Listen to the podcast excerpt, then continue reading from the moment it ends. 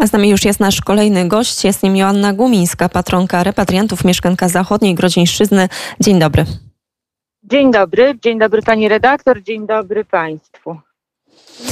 Może zacznijmy, Joanno, od e, takiego komentarza dotyczącego chyba najbardziej teraz aktualnej, aktu, aktualnego, mm, aktualnej sprawy, czyli mm, e, tego złożenia przez szefa MSWiA Mariusza Kamińskiego do prezydenta Andrzeja Dudy wniosku o wprowadzenie stanu wyjątkowego. E, to ma być ten pas o głębokości 3 kilometrów od granicy polsko-białoruskiej. No i pytanie, jak mieszkańcy tych terenów na to się zapatrują, jak odebrali tą, mm, tę, tę decyzję rządu? Oceniamy tę decyzję ten, e, bardzo dobrze, tak? Bez żadnych, e, bez żadnych negatywnych komentarzy. Nie spotkałam się z kimkolwiek, kto byłby niezadowolony z takiego e, stanu rzeczy.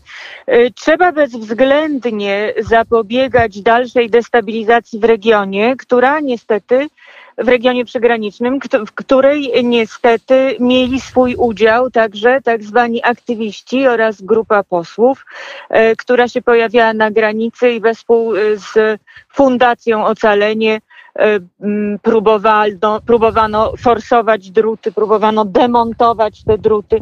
Oczywiście przy okazji powiem, że decyzję o wypuszczeniu z aresztu pana Bartosza Kramka uważam za absolutnie skandaliczną i tutaj apel do pana ministra Ziobry, żeby jednak w tak newralgicznym momencie postarał się o to, żeby jego resort pracował tak, jak należy. Pan Bartosz Kramek powinien być moim zdaniem prawomocnie skazany za również swoje wcześniejsze występy i nawoływanie do destabilizacji państwa.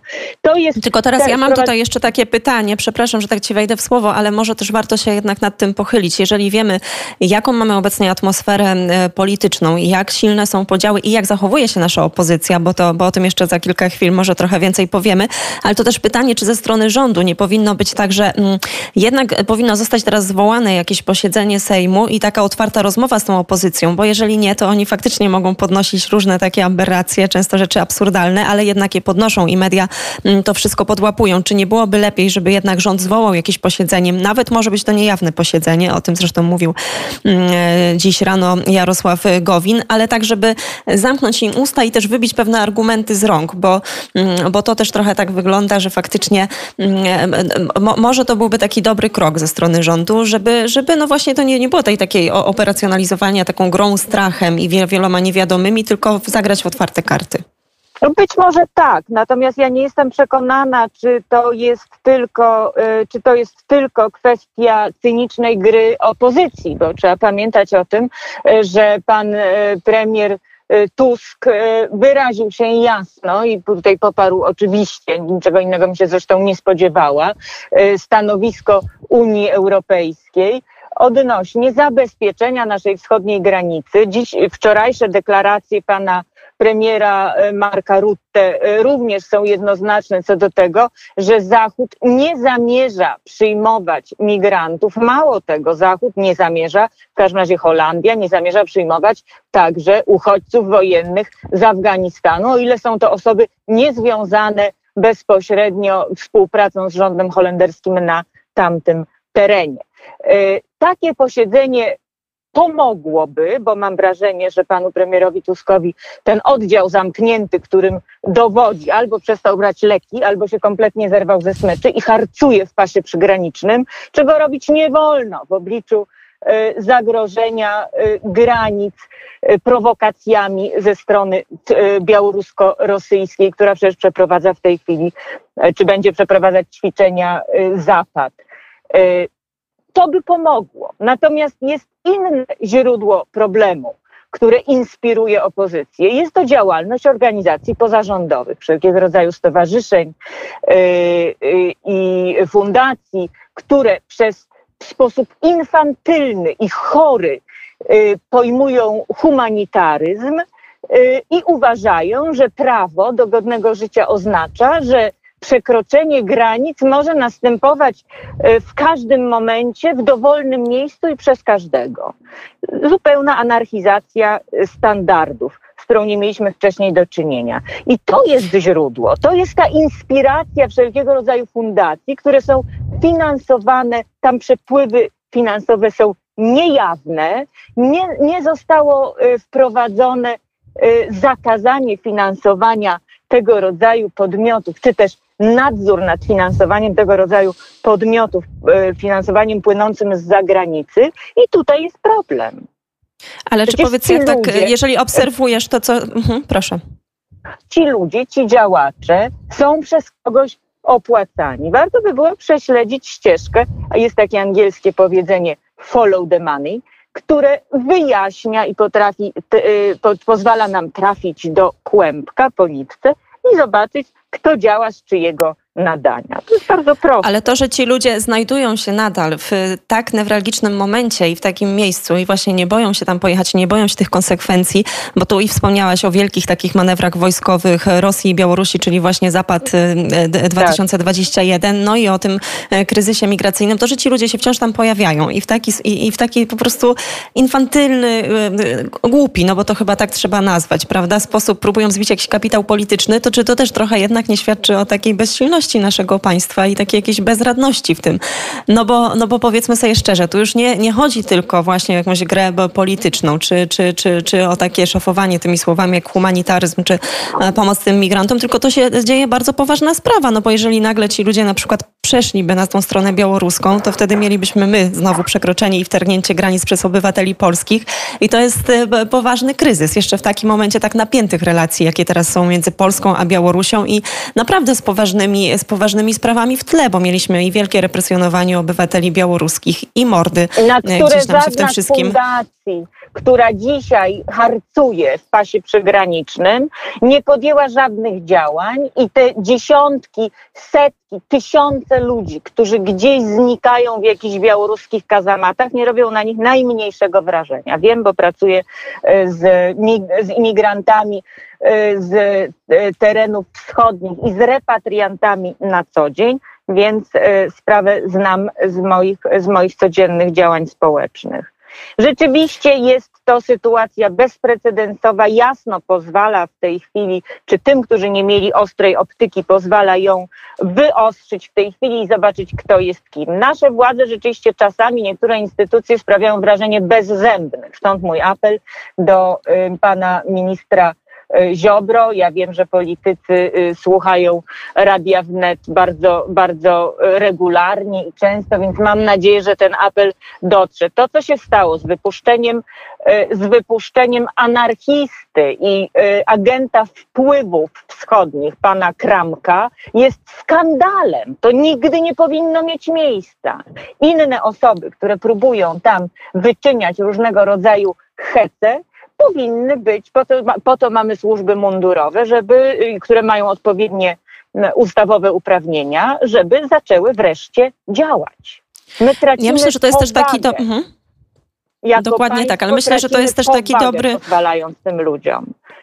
Jest to też taki dobry moment chyba, tak, chyba do takiej dyskusji. Ty właśnie, jak wspomniałaś, zajmujesz się mm, kwestią repatriacji. Znasz wiele takich osób, e, polskich dzieci tak naprawdę, które chcą przyjechać do Polski, chcą tutaj wrócić, chcą, chcą się kształcić.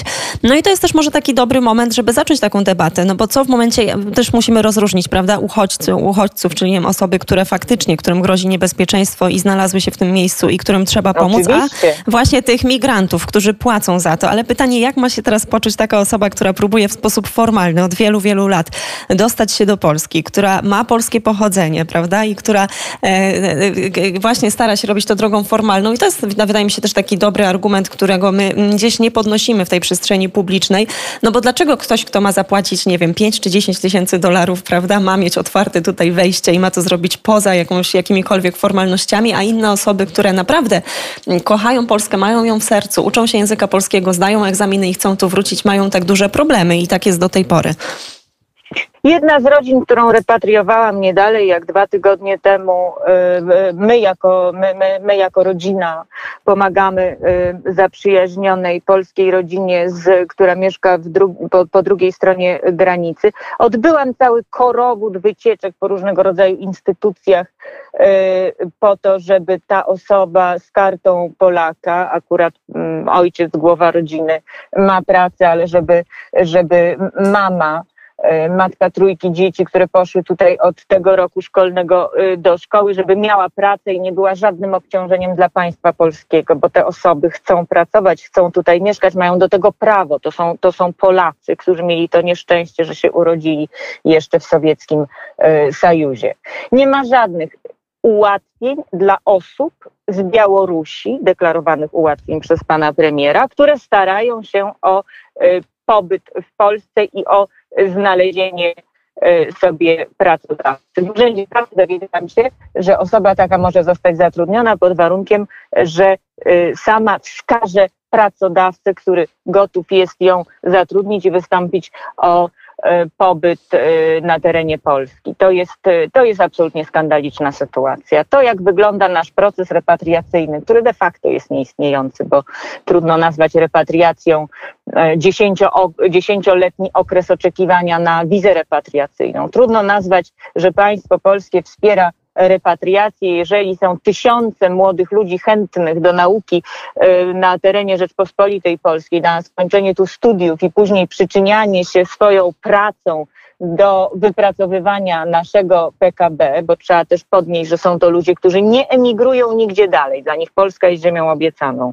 E, I brak jakichkolwiek działań. I teraz ta szaleńcza dyskusja, że powinniśmy otworzyć granice absolutnie dla, dla wszystkich, jest dla mnie osobiście, jako osoby zaangażowanej e, w pomoc e, naszym współbraciom, jest policzkiem, siarczystym policzkiem. To nigdy nie powinno mieć miejsca. To jest nieprawdopodobne upokorzenie dla tamtych ludzi, którzy dzisiaj miałam zajęcia, e, dzisiaj miałam zajęcia w szkole z moimi dzieciakami, e, które, e, które uczę w Kolegium Świętego Stanisława Kostki w Warszawie. Oni sobie doskonale zdają sprawę y, z wymuszania przyjmowania imigrantów ekonomicznych, czy, czy y, z wymuszania przez różnego rodzaju fundacje y, wpuszczania tych ludzi na terytorium Unii Europejskiej. I jest im najzwyczajniej przykro. Ja nie mam, ja nie wiem, co ja mam im powiedzieć. Dlaczego tamci y, siłą wymuszający i krzykiem y, poprzez usta tych właśnie organizacji pozarządowych, wymuszający, próbujący wymusić, na szczęście państwo polskie nie ulega, y, zmianę stosunku i łamanie de facto prawa międzynarodowego, y, a moje dzieciaki, które dzisiaj po wielu trudach przyjechały wczoraj były na rozpoczęciu roku szkolnego. Ich rodzice zostają w krajach pochodzenia, to jest e, daleka Rosja po Syberii, obwód kaliningradzki, kaliningradzki Mołdawia, Uzbekistan, Kazachstan. E, całe, cała sfera wpływów e, dawnego Związku Radzieckiego. Ich rodzice tam nadal są i nadal pokornie czekają, by ktoś im umożliwił e, przyjazd do wymarzonej Polski. No tak nie może być. Ja Ci dziękuję bardzo za to, że przy tej okazji kryzysu migracyjnego na naszej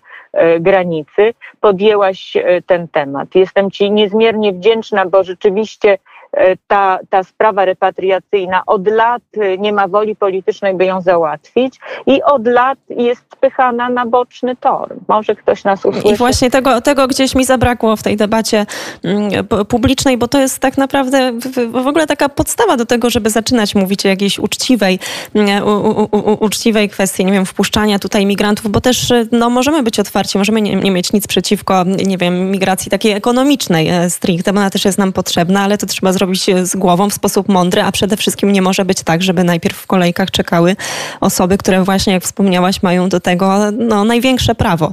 E, Joanna Gumińska, patronka repatriantów, a także mieszkanka zachodniej Grodzieńszczyzny, była gościem Radia Wnet. Bardzo dziękuję za komentarz. Dziękuję uprzejmie e, i pamiętajmy wszyscy o porządku miłosierdzia. Najpierw pomóżmy naszym braciom, jesteśmy im to naprawdę winni. Dziękuję bardzo, życzę dobrego dnia i do usłyszenia. Do usłyszenia. My również życzymy miłego dnia. Drodzy Państwo, 50 minut po godzinie 12. Kurier w samopołudnie zrealizował e, Miłosz Duda. Ja mu bardzo za to dziękuję. Ja nazywam się Jaśmina Nowak i życzę już Państwu pięknego dnia. Punktualnie o godzinie 13 mm, najświeższe wiadomości na antenie Radia Wnet. Y, między godziną 16 a 18 dzisiejsze popołudnie Wnet, a to na pewno oznacza mm, dużo ciekawych i świeżych informacji ze świata polityki polskiej, polityki zagranicznej, więc bądźcie Państwo koniecznie razem z nami. Do usłyszenia.